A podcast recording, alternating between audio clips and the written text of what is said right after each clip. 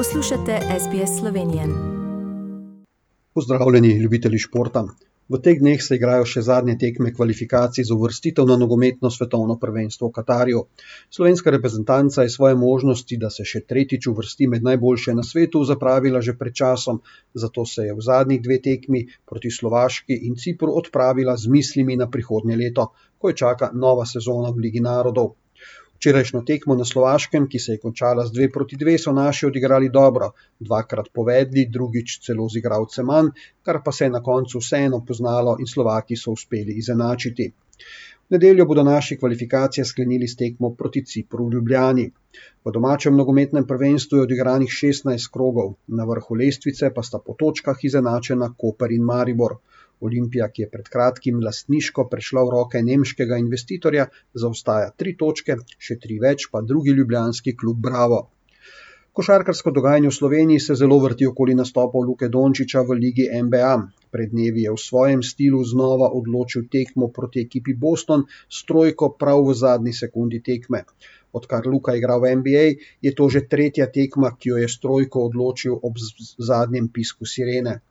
Dallas v lige NBA igra, sicer igra po sistemu toplo-hladno, po enajstih tekmah ima sedem zmag in štiri poraze.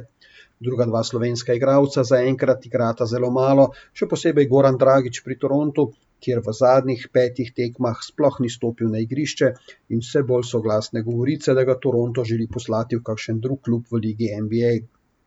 Hokejisti imajo trenutno premor v razširjenem avstrijskem prvenstvu zaradi reprezentančnega premora. Hokejisti Olimpije so v zadnjih tekmah eh, rezultatsko sicer nekoliko popustili, še vedno pa ostajajo vodilni na lestvici. Premor je, kot rečeno, namenjen pripravljalnim reprezentančnim turnirjem in enega od teh slovenska reprezentanca gosti na Jesenicah. V prvi tekmi smo tesno izgubili s Francijo s 3 proti 2. Na turnirju sodelujejo še reprezentance Belorusije in Avstrije. Na domačem košarkarskem prizorišču so košarkarji Olimpije v Eurokapu na zadnji tekmi doma izgubili z nemškim Ulmom in imajo po štirih tekmah dve zmagi in dva poraza. V Jadranski ligi pa so zmaji na zadnji tekmi visoko ugnali Split ter razmerje v zmagah obrnili na 4 proti 3 v korist zmag. Izkupiček novomeške krke je obraten, torej 4 porazi in 3 zmage. Končana je sezona svetovnega prvenstva v motokrosu in Tim Gajser žal ni uspel obraniti naslova najboljšega na svetu v prestižnem razredu MXGP. Na zadnjih dveh dirkah sezone v Italiji je imel nemalo smole, po vrhu pa ga je doletela še precej neupravičena kazen, ki mu je odzela možnosti, da ostane v boju za skupno zmago. Na koncu je Gajser osvojil skupno tretje mesto v generalni razvrstitvi in že takoj napovedal, da bo prihodnje leto znova napadel naslov svetovnega prvaka. Medalje na Evropskem prvenstvu v plavanju v kratkih bazenih, ki je potekalo v Kazanu v Rusiji, pa se veseli slovensko plavanje.